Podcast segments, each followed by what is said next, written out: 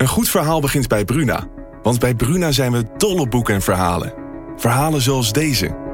De slagen van de noodklok dreunen over het dorp. Zwaar en dreigend. Ze overstemmen de gemoedelijke drukte op de markt. En alle handelingen vallen stil. Wat zou er aan de hand zijn? vraagt Oda ongerust.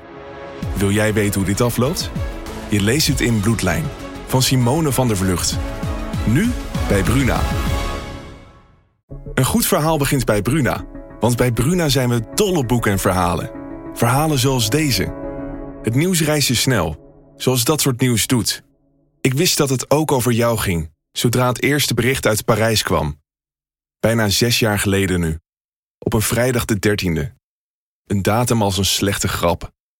Jij was de rook, Flo, en op jouw profiel bleef het stil. Wil jij weten hoe dit afloopt? Je leest het in Luister van Sascha Bronwasser. Nu bij Bruna. Zeven weken lang keken inwoners van onze provincie naar de openbare verhoren van de parlementaire enquêtecommissie Gaswinning Groningen. Horen we iets dat we hier in het Wingewest nog niet wisten? En, misschien nog wel belangrijker, keert het vertrouwen in de overheid ooit nog terug? Dit is naschokken.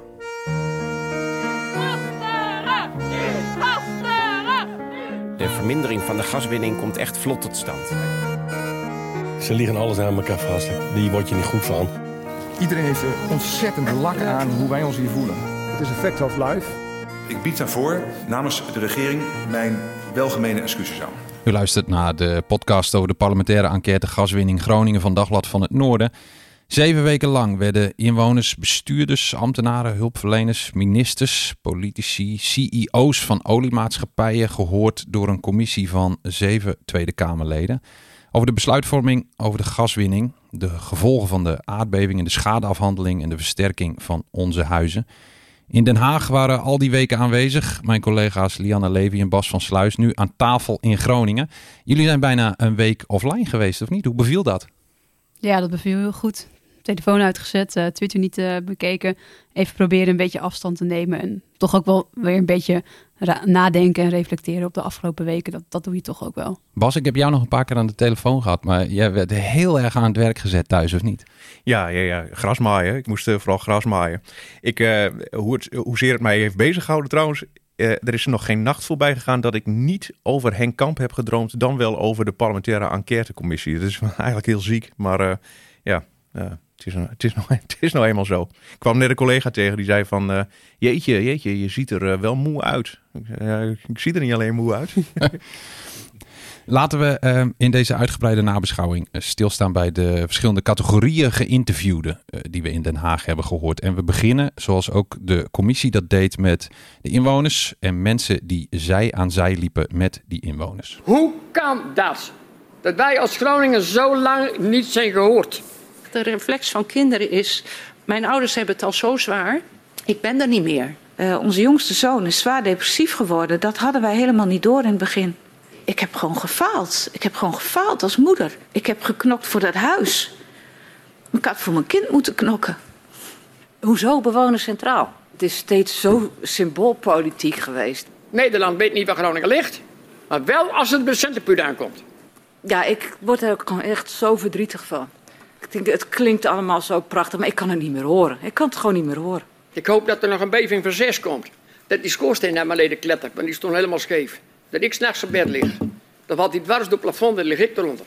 Is er tenminste een dode gevallen? Ja, we kennen deze verhalen maar al te goed. Uh, waarom was het toch goed dat dit onderdeel was van de enquête en was dit voldoende, Lianne? Het is goed omdat wij misschien die verhalen wel kennen, maar een heleboel andere inwoners van Nederland buiten Groningen en soms zelfs ook in Groningen die verhalen niet kennen. En ik denk ook dat je deze enquête niet kan doen, want ze willen de nadelige gevolgen van de gaswinning ook onderzoeken. Ja, die gevolgen liggen bij de inwoners van Groningen. Dus je kan niet zo'n enquête houden zonder dit uh, ook uh, uit te zoeken. Ik denk wel dat het voldoende is geweest. Ik zelf dacht wel van, goh, in die laatste week was er geen gedupeerde meer. Dat had het misschien nog wel gekund. Om, uiteindelijk is er wel afgesloten natuurlijk met uh, de kinderombudsman en de inspecteur-generaal van staatstoezicht op de mijnen. Maar in de laatste week nog gedupeerde om het nog af te maken, had ik wel goed gevonden. Ja, ik vond het wel fijn trouwens dat ze uh, niet alleen in het begin gedupeerd, want ergens halverwege uh, kwam er ook nog. En dan, ja, dat hakte er dan toch wel weer in. Ja. Dus dat, dat was wel een goede, goede zet. Ik vind, ik vind dat het verhaal van uh, geduperen, althans een deel van de inwoners van Groningen, heel goed voor het, uh, voor het voetlicht is gekomen. Dus wat dat betreft echt chapeau voor, voor de commissie hoor. Onze bestuurders, burgemeesters, gedeputeerden, commissarissen, mensen aan dialoogtafels en de Nationaal Coördinator Groningen werden ook verhoord. De politiek, het openbaar bestuur, staat op zo verre afstand van de mensen. Mensen zijn zo boos, zijn zo teleurgesteld, hebben zo weinig hulp gehad in hun strijd om uh, het goed herstel van hun woning. Alles, echt alles moest worden bevochten. De kern is, ik was erbij betrokken en ik voel me hier tot de huidige dag ontzettend verantwoordelijk voor. En de vraag is, waarom heeft de Kamer niet het verschil ten goede voor Groningen uh, kunnen maken? Ik heb al vaker gezegd, het is niet alleen minister Kamp. Het gaat om meerdere ministers en ook om premier Rutte. Als die uh, echt de wil hadden gehad en de bereidheid financieel dat ook echt royaal te doen, dan hadden ze gewoon dit tot een succes kunnen laten worden. Ik snap het echt niet dat uh, zowel EZK als de NAM dat zo hebben verprutst. Had er iemand mij gezegd, hier heb je een lijstje met 200, 500.000 onveilige woningen en die staan daar. Dan had iedereen met één ding begonnen, daar naartoe te rijden, afspraken te maken aan het werk. Dat wisten we niet. En dat wisten we toen niet. Dat weten we vandaag de dag ook niet. Bas, ik hoorde hier ook uh, onmacht in terug. Er is de afgelopen jaren natuurlijk veel kritiek geweest op regionale bestuurders. Um, is dat in deze uh, reconstructie de afgelopen weken, is dat terecht gebleken? Jawel, ik, ik denk dat zij de onmacht ook heel goed hebben, hebben geschetst. En de afstand tussen Den Haag en Groningen, hoe groot die eigenlijk is. Ook tussen de regiobestuurders van Groningen en de bestuurders, de bestuurlijke laag van Den Haag. Um, tegelijkertijd heb ik mezelf wel de vraag gesteld van... hebben de regionale bestuurders wel echt zichzelf een spiegel voorgehouden? Hebben ze echt wel gedacht van... goh, uh, hadden wij dingen anders kunnen doen, doen? En daar heb ik het antwoord nog niet zo heel erg goed op. Uh, vooral mensen uit Den Haag ook, hè, die zeiden van... ja, die regiobestuurders, die waren ook wel heel erg bezig met het economisch perspectief van Groningen. Gebiedsontwikkeling moet je dan, dan aan denken bijvoorbeeld. En dan kun je zeggen van ja... En waar zijn dan de inwoners van Groningen? En de, de goede wil ik te nalaten hoor, laat dat even duidelijk zijn. Maar dan toch even de hele belangrijke vraag. Wat hebben ze nou echt voor elkaar gekregen? Dan, van schoppers zoals uh, Eelco Eikenaar, de oud-gedeputeerde... tot aan meebewegende politici als uh, Max van den Berg of uh, René Paas. En dan kom ik tot de conclusie, eigenlijk gewoon bar weinig, denk ik. Ik bedoel, er zijn wel bestuursakkoorden afgesloten. Er is twee keer een enorm bedrag uh, naar de regio geschoven van nou ja, succes. Maar dan blijft dan er toch over, wat hebben we er nou aan? Hè? Het zijn toch vooral bestuurlijke uh, dingetjes, speeltuintjes voor, voor dorpen. Terwijl er nog honderden uh, mensen in de shit zitten. Twee keer tijdens de parlementaire enquête schokte de grond onder onze voeten. We weten dat dat komt omdat er al decennia lang welvaart uit omhoog wordt gepompt. En wat weten we wel, wat weten we niet? Tien wetenschappers verschenen voor de commissie. Er werden natuurlijk uh, honderden miljarden verdiend aan dat Groningenveld. En als je kijkt wat werd er nou geïnvesteerd in kennisontwikkeling, natuurlijk heel weinig. Wij werden als lastig gezien. De inspecteur-generaal in die tijd heeft aangegeven... wij kunnen eigenlijk niet toetsen aan die veiligheidsnorm. Ik heb niet het idee dat dat de trigger was bij het ministerie om daar enorm op door te vragen van maar als, als, er geen, als we niet veilig aan het winnen zijn, wat betekent dat dan? Ik was ook een soort persona non grata de hele tijd bij de NAM, eigenlijk vanaf 1990. Uh, je geeft een vrij dringend advies, gebaseerd op conclusies die breed gedeeld worden. En dan uh, in plaats van iets naar beneden te gaan, in ieder geval iets te doen uh, voor de veiligheid, ga je de gaskraan vol opendraaien. Nou ja, ik ben een keer tot de orde geroepen dat ik in ieder geval niet de media moest opzoeken. Tot onze verbijstering kan ik toch eigenlijk wel zeggen, uh, gaf NAM ons in januari 2013 een brief. En die zeiden, maar productievermindering, dat kan helemaal niet, want wij mogen dit produceren. Kijk maar, toen kwam er een brief tevoorschijn, notabene, van het ministerie van Economische Zaken, die wij niet eens hadden als uh, SODM. Lianne, uh, dit is een strijdende groep mensen geweest eigenlijk, hè? Ja, ja, echt ontzettend interessant vond ik aan deze enquête de positie van de staatstoezicht op de mijnen. Ja. Veel van de wetenschappers die we net hoorden, die hebben daar gewerkt. En wat toch wel heel erg blijkt uit de verhoren is dat de, die positie eigenlijk niet, uh, niet door iedereen even serieus werd genomen. Vooral bij het ministerie van Economische Zaken topambtenaren hadden het steeds over uh, de mening of een opinie van het staatstoezicht op de mijnen. Terwijl dat is de officiële toezichthouder. Die advies geeft, ook ongevraagd aan economische zaken. En die wetenschappers zijn gewoon heel lang niet geloofd en heel lang niet serieus genomen. Hun manier van opereren is door de jaren heen ook wel veranderd, toch? Ja, enorm. Ze zijn veel meer op de voorgrond gaan treden. Ze doen ook ongevraagd advies en ze zijn veel meer ook, nou ja, vooral ook het laatste paar jaar en dit laatste jaar heel duidelijk naar voren getreden in de discussie ook over de gaswinning en over het verhogen van de gaswinning uit Groningen. Ze blijven er heel stellig bij van dat is gewoon niet veilig. En zoals uh, nou ja, de allerlaatste persoon die tijdens deze enquête verhoord werd, was inspecteur-generaal uh, op de mijnen Theodor Kokkelkoren. En zijn verhaal was gewoon hartstikke duidelijk en helder. En daar treedt echt een hele integere en serieuze toezichthouder naar voren. Ja, ik, daarvoor ging het ook heel erg over de tunnel. Hè? Uh, die, uh, die wetenschappers aan het begin die zeiden van ja, we zaten allemaal in een donkere tunnel. En ja. het, het, licht aan, aan het einde van de tunnel was eigenlijk 16 augustus 2012. Dus de dag dat die beving bij Huizingen tot nu toe de zwaarste beving van Groningen is geweest. Um, wat ik ook fascinerend vond om te, om te horen is hoezeer uh, de oliebedrijven, NAM bijvoorbeeld, probeerde invloed uit te oefenen op die wetenschappen. Ik ja. bedoel, ik kan me nog de inspecteur-generaal die in 2014 of 2015 ging solliciteren. En die, die ging naar die sollicitatiecommissie en keek gewoon in de ogen van een, een vertegenwoordiger van de olie- en gasbranche. Die zat gewoon aan tafel, dus degene waar hij toezicht op moest. Weet je, dat, dat zijn toch fascinerende dingen. En er was ook een wetenschapper, volgens mij was het Hans de Waal, die vertelde, ja, we waren zo bang bij, binnen de TU Delft of binnen, binnen, de, binnen onze organisatie. Of was het, was het uh, Hans Roest? Dat weet ik, weet ik eigenlijk niet meer. Maar een van de wetenschappers, die, en die zei van ja, dan, dan zat je bij de TU Delft. En zodra het woordje Shell viel, dan flikkerde eigenlijk alles van de, van de muren af. Omdat ze waren zo uh, nou ja, onder de indruk van, van dit machtige bedrijf. Ja, dat vond ik wel een, uh, een indrukwekkend iets. Ja. Honderden miljarden guldens en euro's werden met de gaswinning verdiend door de staat, maar ook door Shell en ExxonMobil. Natuurlijk ging het in Den Haag ook over de olies. Wij bleven dus doen wat we deden en dat was proberen zoveel mogelijk Groningsgas te verkopen. Wat vindt u er eigenlijk van dat het Groningenveld niet leeg zal worden geproduceerd? Dat is heel jammer. Ja, ik uh, beschouw uh, de minister-president als, een, uh, als een vriend. Ik moet u zelfs bekennen dat de aardbeving bij Huizingen um, niet op mijn netvlies stond. Uh, als wij afstuurden op een, uh, het minimumniveau wat wij moesten produceren, uh, dat ten eerste natuurlijk de overheid heel veel inkomsten zou mislopen. De aandeelhouders ook, overigens. Elke kuub die niet geproduceerd wordt en had kunnen geproduceerd worden, wel degelijk waardeverlies is voor het ganse gasgebouw inclusief ExxonMobil. Okay. Spijt en in zekere zin ook, uh, dat, het kan ook niet anders als je met Groningen spreekt, uh, een zekere zin van uh, verdriet en ook wel wat schaamte. De NAM, Shell, ExxonMobil, Gasterra, GasUnie. Wat is in de verhoren van deze bedrijven en instanties het meest opgevallen, Bas? Ja, en tegelijkertijd weinig ver verbazingwekkend. Het ging om geld verdienen heel, heel, heel veel geld verdienen. Winstmaximalisatie, dat was het woord dat ze gebruikten. Maar ja. het kwam er gewoon om keiharde euro's. Ja. Daar, daar ging het dan om.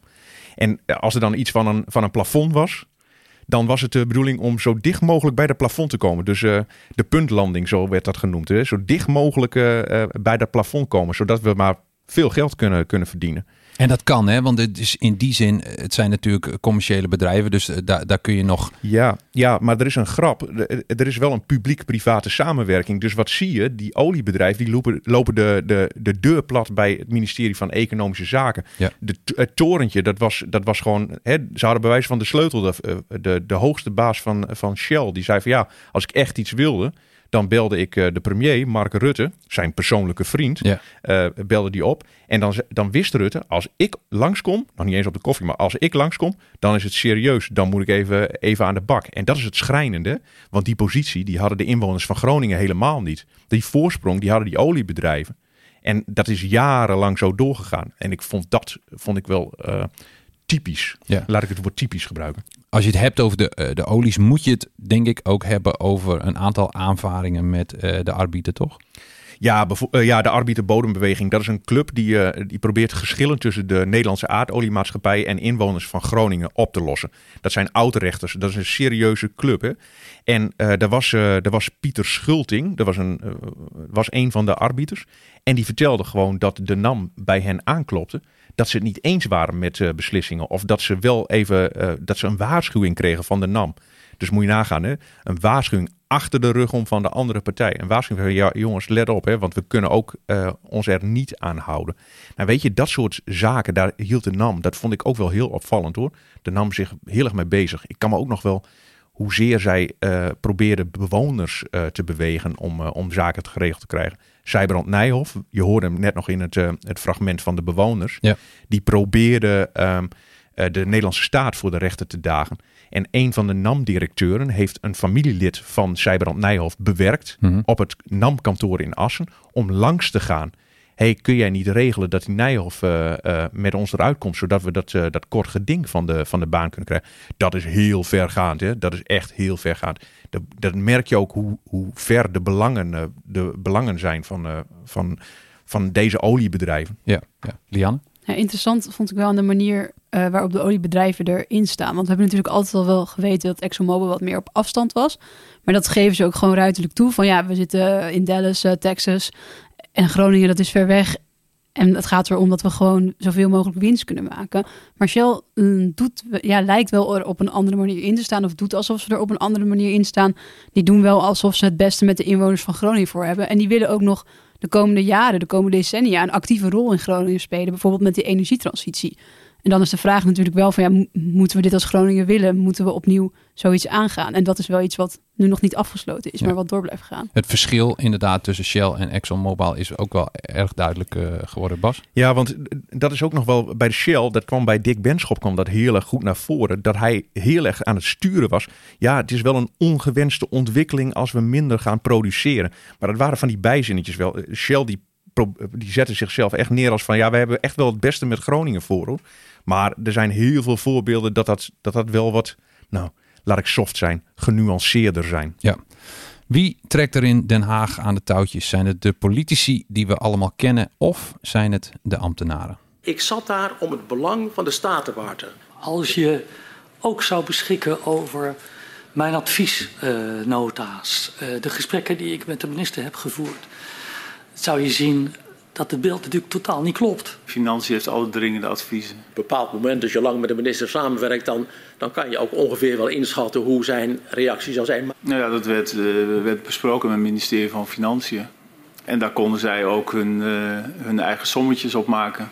Nee, ik heb gezegd de voorzorg over de veiligheid stond naast de voorzorg die je had voor de verwarming en het koken thuis. Hoe vaak heeft u na de beving bij Huizingen, nu tien jaar geleden, met gedupeerden gesproken? Uh, ik heb weinig met gedupeerden gesproken. Lianne, deze verhoren waren een openbaring, denk ik. Ja, absoluut. Ik vond de verhoren met de topambtenaren veruit het meest interessant van alle verhoren tijdens deze enquête. Want ja, ministers komen en gaan, maar topambtenaren zitten jaren op hun plek. Zitten jaren op ministeries. En wat hieruit eigenlijk blijkt, is dat ze zoveel meer macht hadden dan wij altijd hebben geweten. Ze waren in staat om informatie die ze aan de minister moesten geven, belangrijke informatie, bijvoorbeeld over de gaswinning in Groningen naar beneden, kan gewoon voor zichzelf te houden. Niet door te geven aan de minister die eigenlijk de knopen moet doorhakken. Ik vind het echt, nou ja, menige keer heb ik echt van, met verbazing gewoon daarnaar zitten luisteren. Want normaal gesproken, ja, spreken we die topambtenaren niet. En nu, nu hebben we zoveel gehoord. Bas? Ja, nou ja, als je uh, ambtenaar Jos de Groot bijvoorbeeld, hè, jarenlang directeur energiemarkt, uh, tot 2014 hoort zeggen dat het SEC eigenlijk om de baten ging en hoezeer hij informatie voor zich hield. En zijn collega Mark Dieriks, topambtenaar tussen 2011 en 2016, die op economische zaken overigens, hè, die dan vertelt uh, hoe hij uh, Maxime Verhagen niet informeerde, maar ook minister Kamp niet informeerde over de hoge gaswinning, die al eind 2012 was het al duidelijk. Hè? Ja. Dan halverwege 2013 komen de Groot en Dieriks naar Kamp van, goh, we gaan, uh, we gaan wel veel meer winnen dan, uh, dan we ooit hadden gezegd. Maar dat ze hem drukken op de minister van, ja, maar ik zou het niet verlagen. Je uh, doet dat pas aan het einde van het jaar. En Kamp die heeft daarvan ook gezegd van ik baal ervan. Al ik heb daar een rot gevoel aan overgehouden. Dat dat, die invloed waar, waar Lianne het net over had, was vele malen groter dan ooit iemand had uh, kunnen bedenken. En dat was wel echt een revelatie, om, het, om het zo maar te zeggen. Ja. Moet ik daarbij zeggen, uh, ministerie van Binnenlandse Zaken is uiteindelijk ook nog binnengevlogen. Halverwege 2018, uh, begin 2019 denk ik. Ja.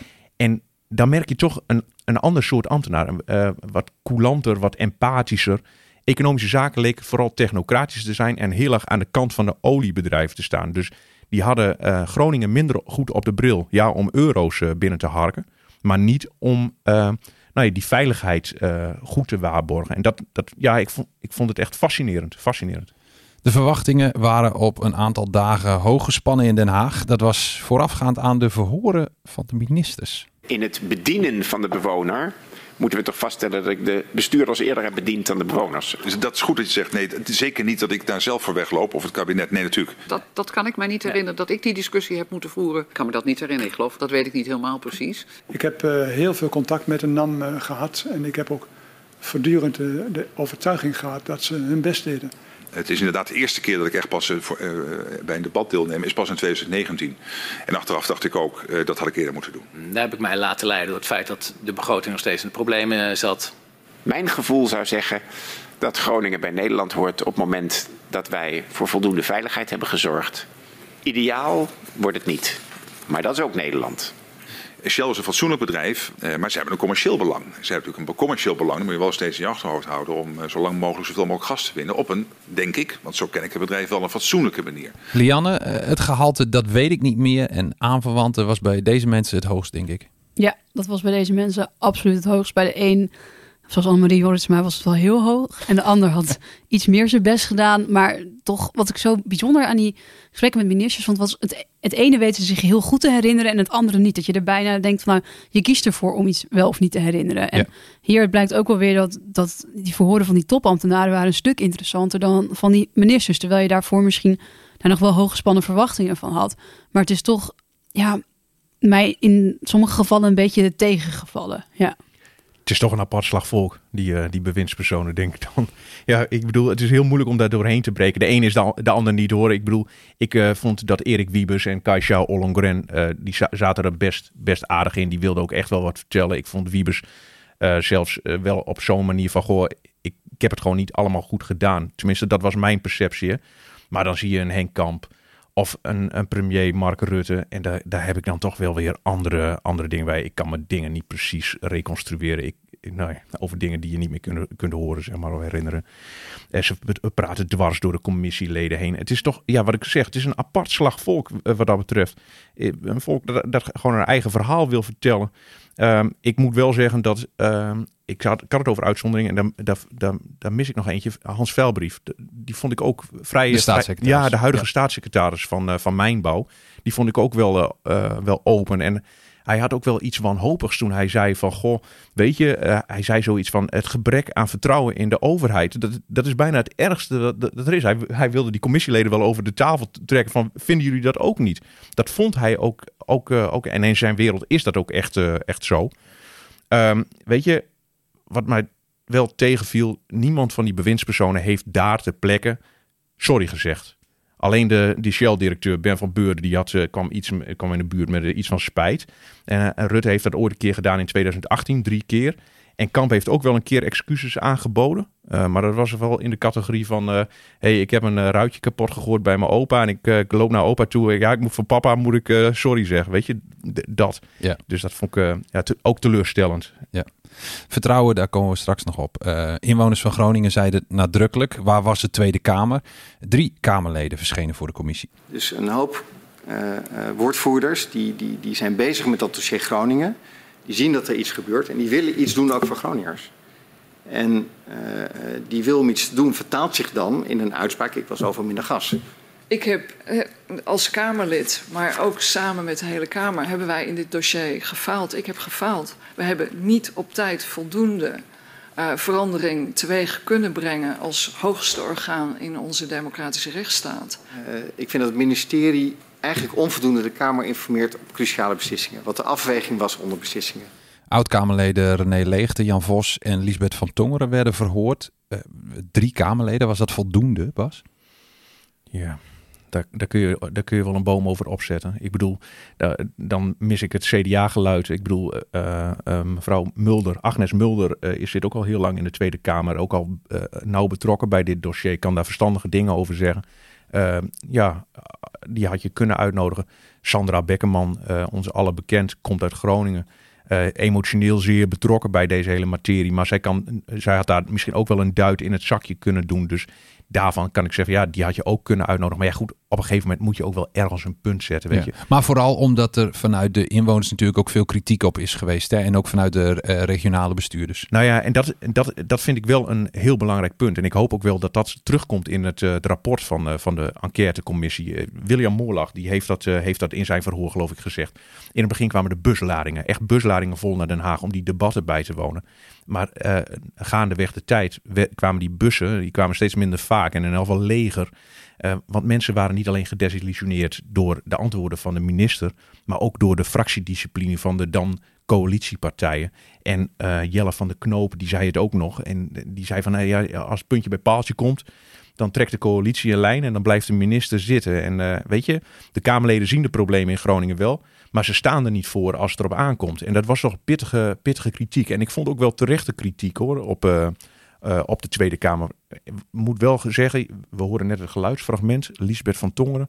Die, uh, ja, als er iemand hard voor zichzelf is geweest tijdens ja, die uh, verhoren, is zij het misschien nou, wel. En dat, en dat vind ik dan ook wel weer, weet je, uh, ik denk dat het een van de meest populaire Kamerleden hier in, in de provincie Groningen, of in het noorden van het land is, oud-Kamerleden dan in dit geval.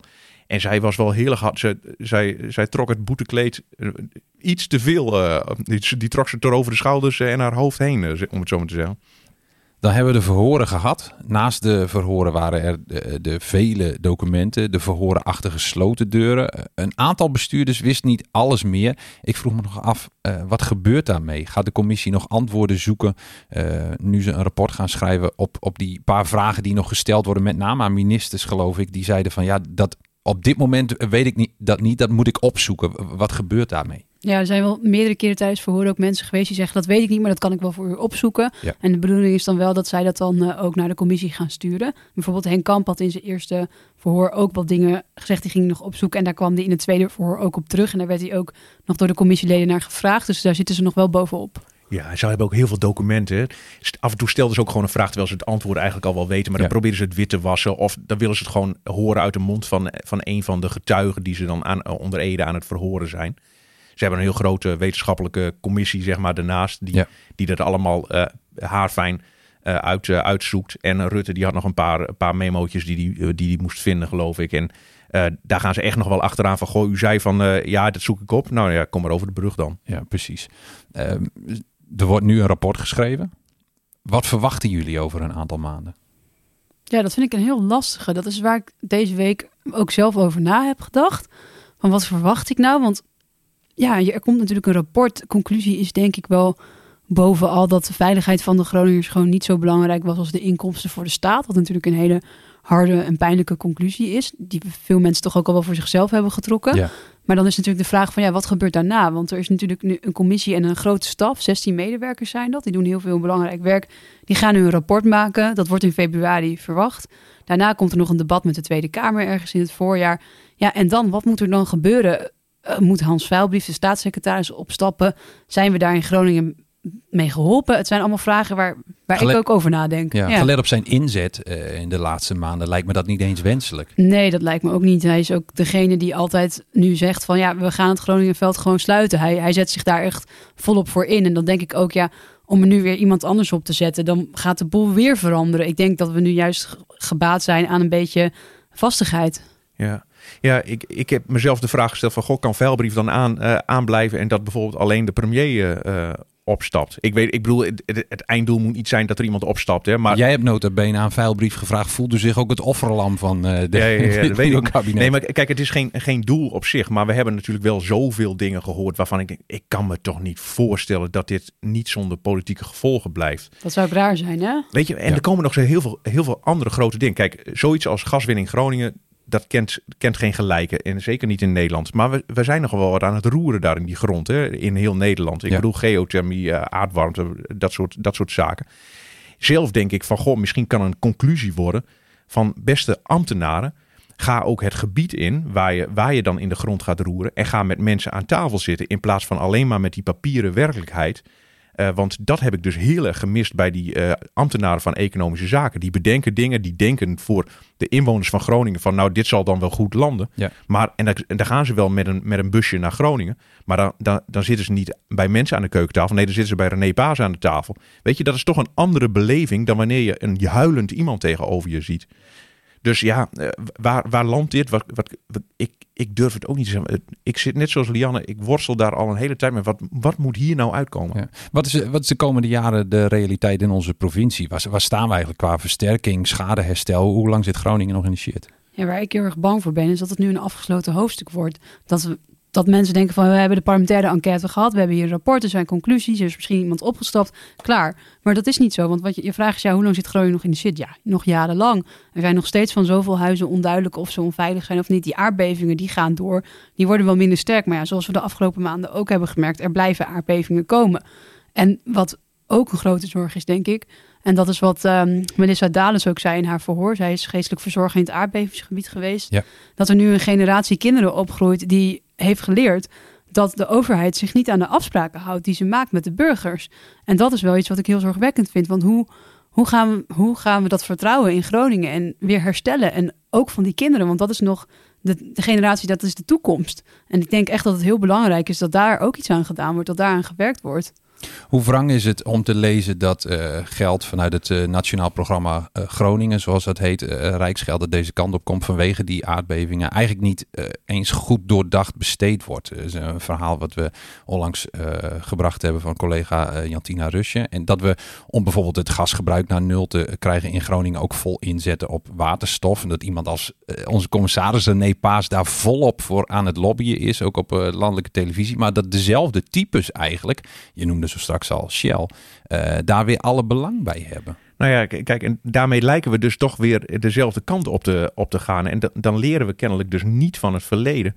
Ehm, dus ehm, laat dit rapport maar heel snel komen. Laat dit dan maar één van de, eh, de conclusies zijn. Althans, één van de spiegels zijn die we eh, bijvoorbeeld bij meneer Paas... en het gaat helemaal niet om meneer Paas hoor... maar eh, bij dergelijke bestuurders... gewoon dat ze die even onder de neus gedrukt krijgen. Want uiteindelijk, ja, dat, dat artikel over waar je net aan... aan- het gaat dus uiteindelijk om spiegeltjes en kraaltjes Ja. voor, voor, voor ons. Terwijl de, de echte problemen zijn helemaal niet opgelost. Nee. Ik bedoel, regel dat eerst eens. Regel dat nou gewoon eerst. Wat, onder de streep, wat zijn Groningers nou echt wijzer geworden? Ik, ik weet niet of ze veel wijzer zijn geworden. Kijk, het is een. eh, eh, we, we vermoeden het al. We hebben het al wel vaker gezegd. We vermoeden het al. Je krijgt hier nu een streep. En dan kun je aan de eindafrekening van. Hè, we hadden gelijk. Ehm, tegelijkertijd. eh, Zo cynisch wil ik dan ook weer niet zijn. Ehm, het is misschien ook wel goed voor een stukje eh, verwerking. Voor een deel van de inwoners van onze provincie. Een soort van traumaverwerking. Klinkt dramatisch. Maar misschien helemaal niet erg. Dus misschien dat. Ja, dat denk ik ook. Want het is wel een signaal dat er wel nu echt serieus aandacht wordt besteed aan de problemen in Groningen. Het heeft lang geduurd, maar nou, die commissie en die leden daarvan, die hebben zo serieus en grondig werk gedaan. Dat is wel, vind ik, een goed signaal. Maar natuurlijk is het wel zo, ja, als jij in je huis zit met schade of je huis dat nog versterkt moet worden, dan ja, puntje bij paaltje heb je hier natuurlijk niet zo heel veel aan. Maar als signaal van de democratie vind ik het wel goed. We naderen voorzichtig eh, het einde. En u krijgt nog antwoord op een prangende vraag. Maar niet voordat ik vertel dat eh, we de naam van deze podcast te danken hebben aan collega Erik Nederkoorn. Matthijs Mol ontwierp een prachtig logo. Matthijs Hogeling, Alwin Wups en Diana Hollander zorgden ervoor dat u vanaf elke vrijdagavond ons online kon vinden. En Lieselotte Schuren die knipte en plakte op de redactie thuis en onderweg een eindeloze reeks audiofragmenten die we zo nu en dan ook wat makkelijker konden vinden dankzij Mario Miskovic en Tristan Braakman. Jelle Haima bedacht voordat we begonnen dat het wel eens een goed idee kon zijn om Wim Brons in te schakelen. En Wim zorgde drie minuten voor aanvang van elke aflevering toch weer voor een glimlach op de vermoeide gezichten van de twee mensen die er van begin tot eind bij waren in Den Haag. Onze oren en ogen op de perstribune van de parlementaire enquêtecommissie Gaswinning Groningen. Lianne Levy en Bas van Sluis. Ik denk dat ik het namens lezers en luisteraars zeg. Ontzettend veel dank voor jullie werk. En dan is er nog iemand die ik uh, elke aflevering heb bedankt. Want wie is toch Sophie Spoel?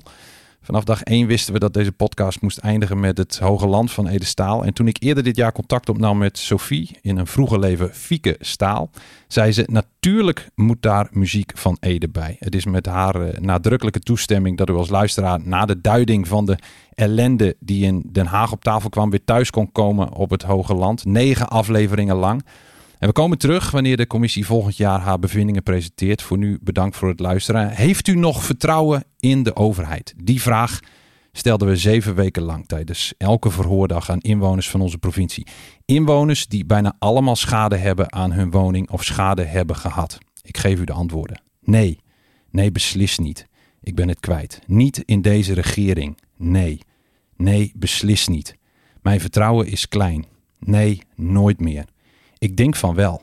Nee, nee. Ze moeten hard werken om mijn vertrouwen terug te winnen. Mijn vertrouwen is laag. Absoluut niet. Absoluut niet. Het moet wel anders. Ja, maar ik ben wel gefrustreerd. Ik stem niet meer. Geen enkel. Geen enkel. Nee. Nee. Nee. Mijn naam is Arnold Bodde. Dit was Naschokken. Het is de lucht achter Roeroezen. Het is het torentje van Spiek. Het is de weg van langs naar klooster en de Westvolle langs de diek. Het ben de muns, ben de moon, het ben de kerken en de beun. Het is het land waar ik als kind nog niks begreep van Pinozeun. Het ben de muns, het ben de beun. Het is een doevertillende stroot, het is een oude bakkerij. Ik ben de grote boomplotsen van waar mosket zo naar mij. Het is de waait, het is de hoven, het is het koolzoot in de blauw. Het is de horizon bironen, vlak noorden dunne bui. Dat is Milaans, Minogelaan.